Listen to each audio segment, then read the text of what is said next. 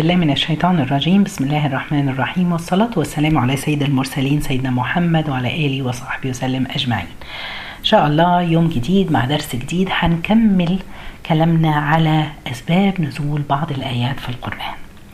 سبحان الله يا جماعة يعني ربنا يكرمنا وينفعنا. يا ترى قرأنا الآيات اللي اتكلمنا عليها المرة اللي فاتت وقلنا أسباب نزولها؟ آه سبحان الله فعلا أثرت في الواحد وخلت الواحد وهو بيقرأ بيحس وبيفهم وبيفتكر هذه القصة أو السبب النزول اللي نزل عليه. في مقولة يعني قرأتها وعجبتني قوي بيقول لك كلما رأيت مصحفا أمامك فكأنما سمعت مناديا يستنهض إيمانك الله يتكلم. فافتح مصحفك لتسمع ما يقول الله. ربنا يكرمنا ويجعلنا دايما مع القرآن. طيب النهاردة إن شاء الله هنبتدي مع سورة آية تانية ونعرف سبب نزولها. في صحيح البخاري ومسلم والترمذي والنسائي عن ابن عباس بيقول عن قول الله تعالى في سورة الإسراء آية 110 ربنا سبحانه وتعالى بيقول بيخاطب الرسول عليه الصلاة والسلام بيقول له ولا تجهر بصلاتك ولا تخافت بها وابتغي بين ذلك سبيلا. آه سبحان الله.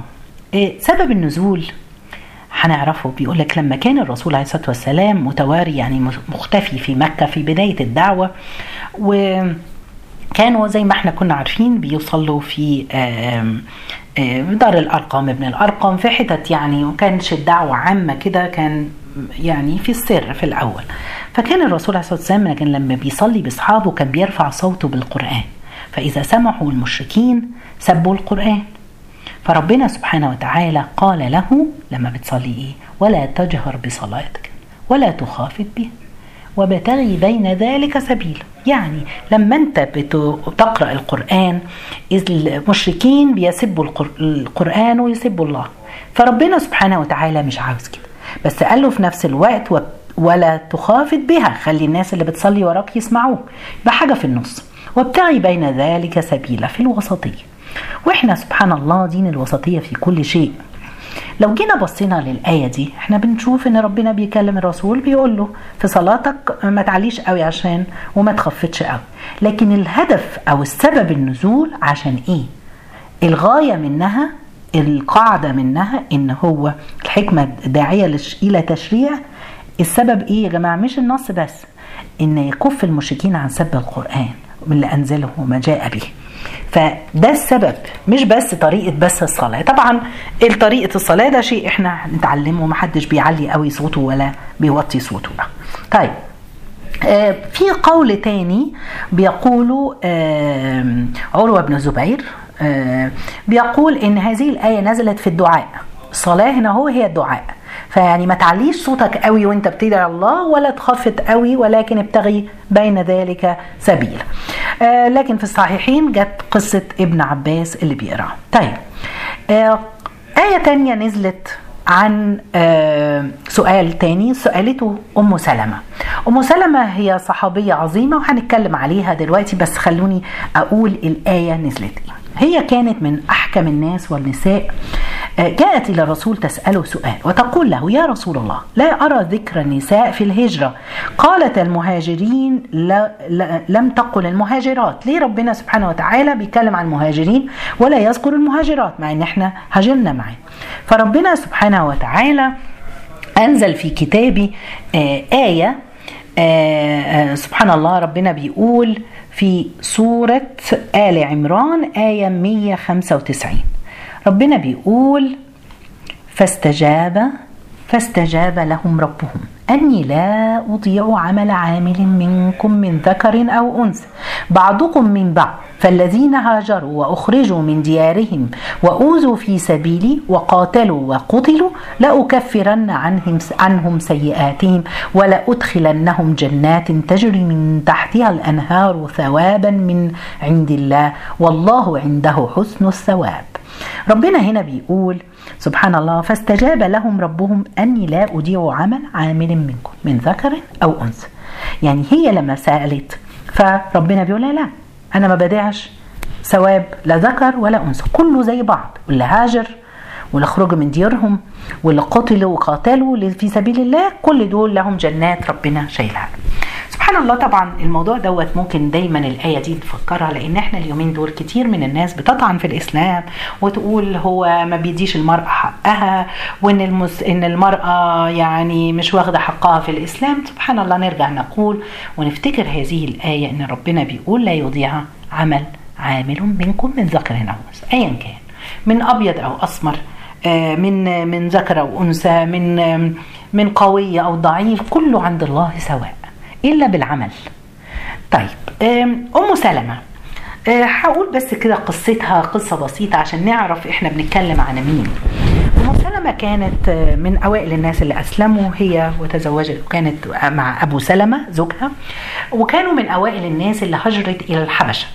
ثم عادوا إلى مكة وبعد كده أرادوا أن يهاجروا إلى المدينة. لما عرفوا إن في بعض الناس أسلمت في المدينة فأخذ زوجته كان معاهم ابنهم صغير طفل صغير أخذوه عشان يهاجروا.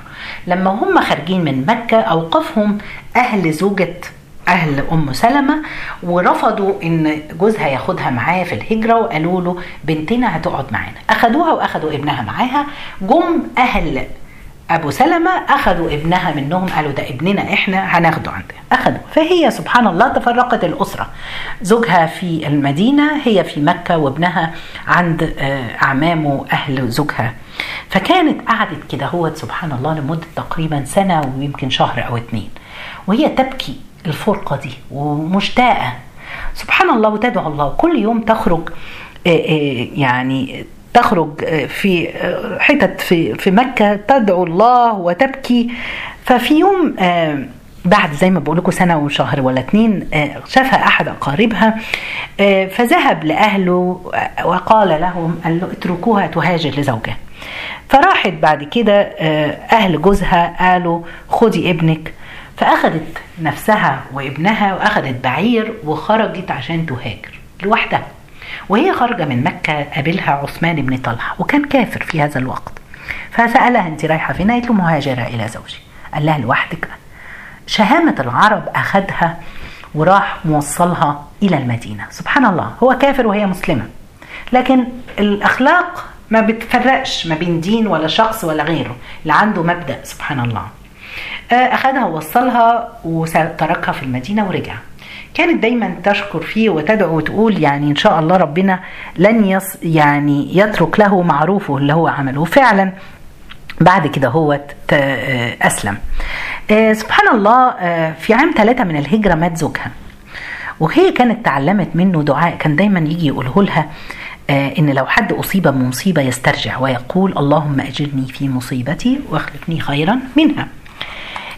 لو عمل كده ربنا سبحانه وتعالى بيعوضه. فلما مات مات زوجها استرجعت فقالت وه وهل يوجد خير من أبو سلمة؟ كانت بتحبه وكان شخص قوي. سبحان الله بعد ما انتهت العدة بتاعتها جاء الرسول عليه الصلاة والسلام وطلب منها الزواج. فقالت للرسول عليه الصلاة والسلام أنا امرأة غيورة. شوفوا الشخصية بتبان الشخصية من أولها. قالت له يعني رسول الله جاي مين هيرفض رسول الله؟ بس هي حبت تبقى صريحة معاه. قالت له أنا امرأة غيورة. فأخاف أن ترى مني شيئا يعذبني الله به. يعني أنا أغير وأعمل حاجة غلط أغلط ربنا يعذبني. وأنا كبيرة وعندي عيال. فقال لها الرسول صلى الله عليه وسلم الغيرة فيذهبها الله. إن شاء الله بيد الله وهندعي ربنا يذهب والسن فأنا مسن. وأما العيال فهم عيالك وعيالي. سبحان الله يا حبيبي يا رسول الله. وتزوجت رسول الله صلى الله عليه وسلم. هذه هي أم سلمة. اللي ربنا سبحانه وتعالى أجاب لها دعو السؤال اللي كانت وأنزل هذه إن الله إن ربنا أن ربنا قال أني لا أضيع عمل عامل منكم من ذكر أو أنثى. سبحان الله. بعد كده هو جت قصة تانية نعرف أسباب نزولها. يحكى أن جاء رجل للنبي صلى الله عليه وسلم شاب يشتكي ومتضايق من نفسه يريد التوبة. صلى مع النبي صلاة العصر وبعدها قال له ندمان لقد قبل امرأة أو يعني في قول أنه عمل عملا يراه من أكبر الأعمال إنه اختلى بامرأة فعل معها أشياء إلا الزنا. يعني والله أعلم في قول تاني أنه قبلها فجاء النبي ماذا يفعل؟ ماذا يصنع؟ فسأل النبي هل صل سأل الرسول عليه الصلاة والسلام قال له هل صليت العصر معنا؟ فقال نعم. ربنا سبحانه وتعالى أنزل هذه الآية في سورة هود آية 114 ربنا بيقول وأقم الصلاة طرفي النهار وزلفا من الليل. إن الحسنات يذهبن السيئات. ذلك ذكرى للذاكرين. سبحان الله. إن الحسنات يذهبن السيئات. صلي. قرب من ربنا سبحانه وتعالى. كلنا بنخطئ كلنا بنذنب كلنا ذنوب سبحان الله. لكن اللي اللي نتوب إلى الله وما يكفر الذنوب؟ نعمل الحسنات. فسأل أحد الصحابة هل هذه له فقط أم للناس كافة؟ فقال النبي صلى الله عليه وسلم هي للناس كافة إن الحسنات يذهبن السيئات. يبقى كل واحد فينا بيذنب في الدنيا دي وما كثرت ذنوبنا ندعو الله سبحانه وتعالى ونعمل الخير ونتوب إلى الله. دي برضو كانت قصة أخرى عرفنا بيها سبب النزول إن الحسنات يذهبن السيئات طيب آه نمسك في سورة البقرة. أنا هحاول نمشي كده من سورة البقرة ونشوف بعض الآيات ونمشي بالترتيب في المصحف إن شاء الله وربنا يكرمنا وينفعنا ويفقهنا ويعلمنا. حتى نفهم قرآننا حتى نحفظ قرآننا حتى نطبق ما في قرآننا. آه في سورة البقرة سبحان الله آه لقيت بيقول لك اولا الله سبحانه وتعالى في القرآن عرض علينا قضية النفاق. من القضايا الإيمان والكفر ضرب لنا مثالين. سبحان الله اليهود والكفار والمنافقين آه كان طبعا انتشر بقى في متواجد المنافقين في المدينة كتير إن هم بيصيروا خلاف ما يبطنوا بيدعوا إيمانهم اللي هم هم مش مؤمنين. كان دايما بيحبوا يدوروا على ضعف أو يظهروا إن في تشكيك في القرآن. فكان ربنا سبحانه وتعالى ضرب أمثلة في القرآن بتبين وهن هذه الآلهة والحاجات اللي كانوا بيؤمنوا بيها. فربنا سبحانه وتعالى في سورة الحج آية 73 ربنا بيقول يا أيها الناس ضرب مثل فاستمعوا له. ربنا بيضرب مثل. إن الذين تدعون من دون الله لن يخلقوا ذبابا ولو اجتمعوا له. سبحان الله ربنا ضرب مثل بإيه؟ بذبابة. وإن يسلبهم الذباب شيئا لا يستنقذوه منه ضعف الطالب والمطلوب. سبحان الله ربنا ضرب المثل ده. هؤلاء الناس مشركين دولت اللي بيدعوا أشياء دون الله سبحانه وتعالى ما يعرفوش يخلقوا ذبابة.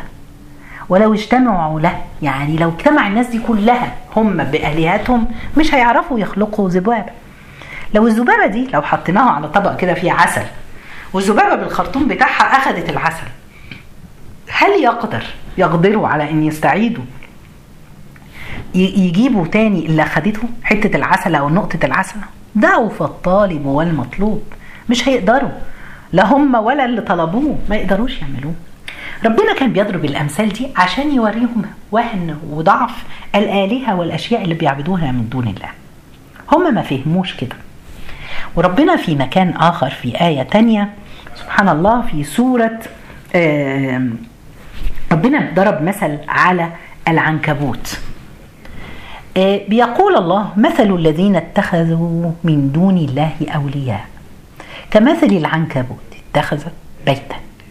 وإن أوهن البيوت لبيت العنكبوت لو كانوا يعلمون.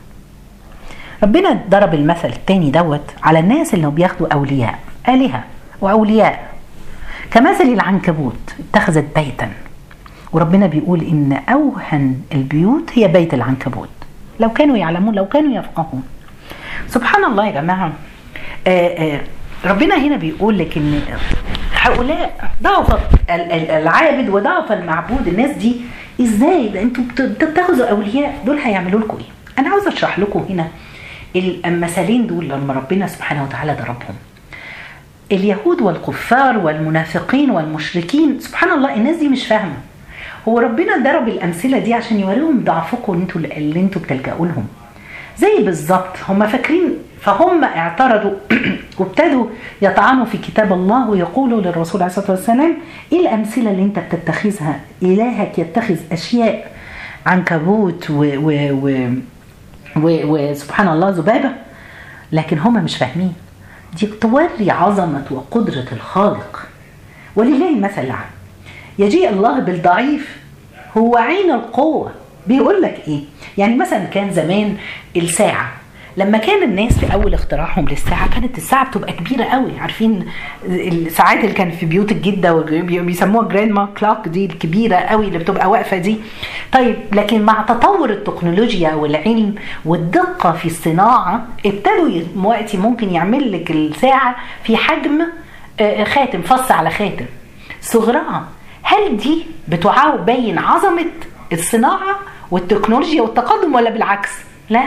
بتوري عظمة زي ما ربنا سبحانه وتعالى ولله المثل الأعلى لما يضرب مثل بعنكبوت أو ذبابه عاوز يوري إيه؟ عاوز يوري عظمة هؤلاء الكائنات فيها جهاز هضمي وفيها جهاز تنفسي زي بالظبط اللي في في الفيل مثلا.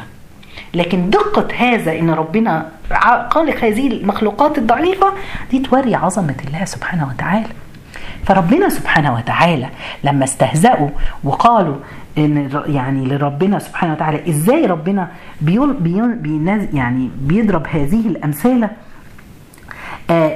فربنا سبحانه وتعالى ابن عباس بيقول لنا إن الله ذكر آلهة المشركين برضو في في الآيتين اللي أنا قلت لكم.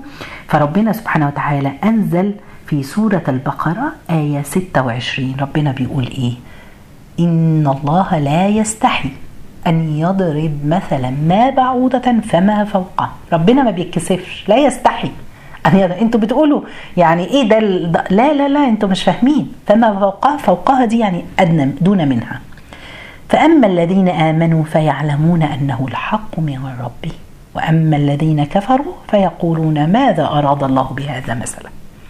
يضل به كثيرا ويهدي به كثيرا وما يضل به إلا الفاسقين. اللي هيضل دوت الفاسق اللي مش فاهم الغرض من هذا المثل اللي ربنا سبحانه وتعالى ضربها. ربنا سبحانه وتعالى بيورينا عظمته وقدرته في خلقه. يعني سبحان الله دي آية في سورة البقرة. حبيت إن أنا أشارككم معاها. ربنا يكرمنا وينفعنا وإن شاء الله هنستمر فترة كده كل أسبوع نتكلم على بعض الآيات وأسباب نزولها عشان نعرف. أنا عاوزة بس كل واحد مننا بعد ما بنخلص الدرس نحاول نقرأ الآيات. بعد ما نكون فهمنا وعرفنا سبب نزولها هنلاقي قد إيه بتوضح لينا.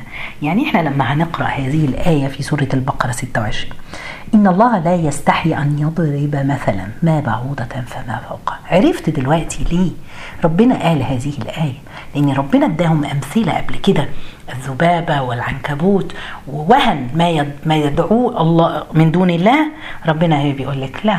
وهم راحوا قالوا يعني ربنا سبحانه وتعالى مش مكسوف يضرب لنا أمثلة بالحاجات دي. ربنا رد عليهم قال لهم لا. حتى اللي أقل من بعوضة هضرب بيها المثل لأن الذين كفروا بيقولوا ماذا أراد الله بهذا مثلا ربنا أراد أن يضل به كثيرا ويهدي به كثيرا. وما يضل به إلا الفاسقين. ربنا يكرمنا وينفعنا. ويزدادنا علما إن شاء الله وتفقها في كتابه. جزاكم الله خير. سبحانك اللهم بحمدك أشهد أن لا إله إلا أنت نستغفرك ونتوب إليك.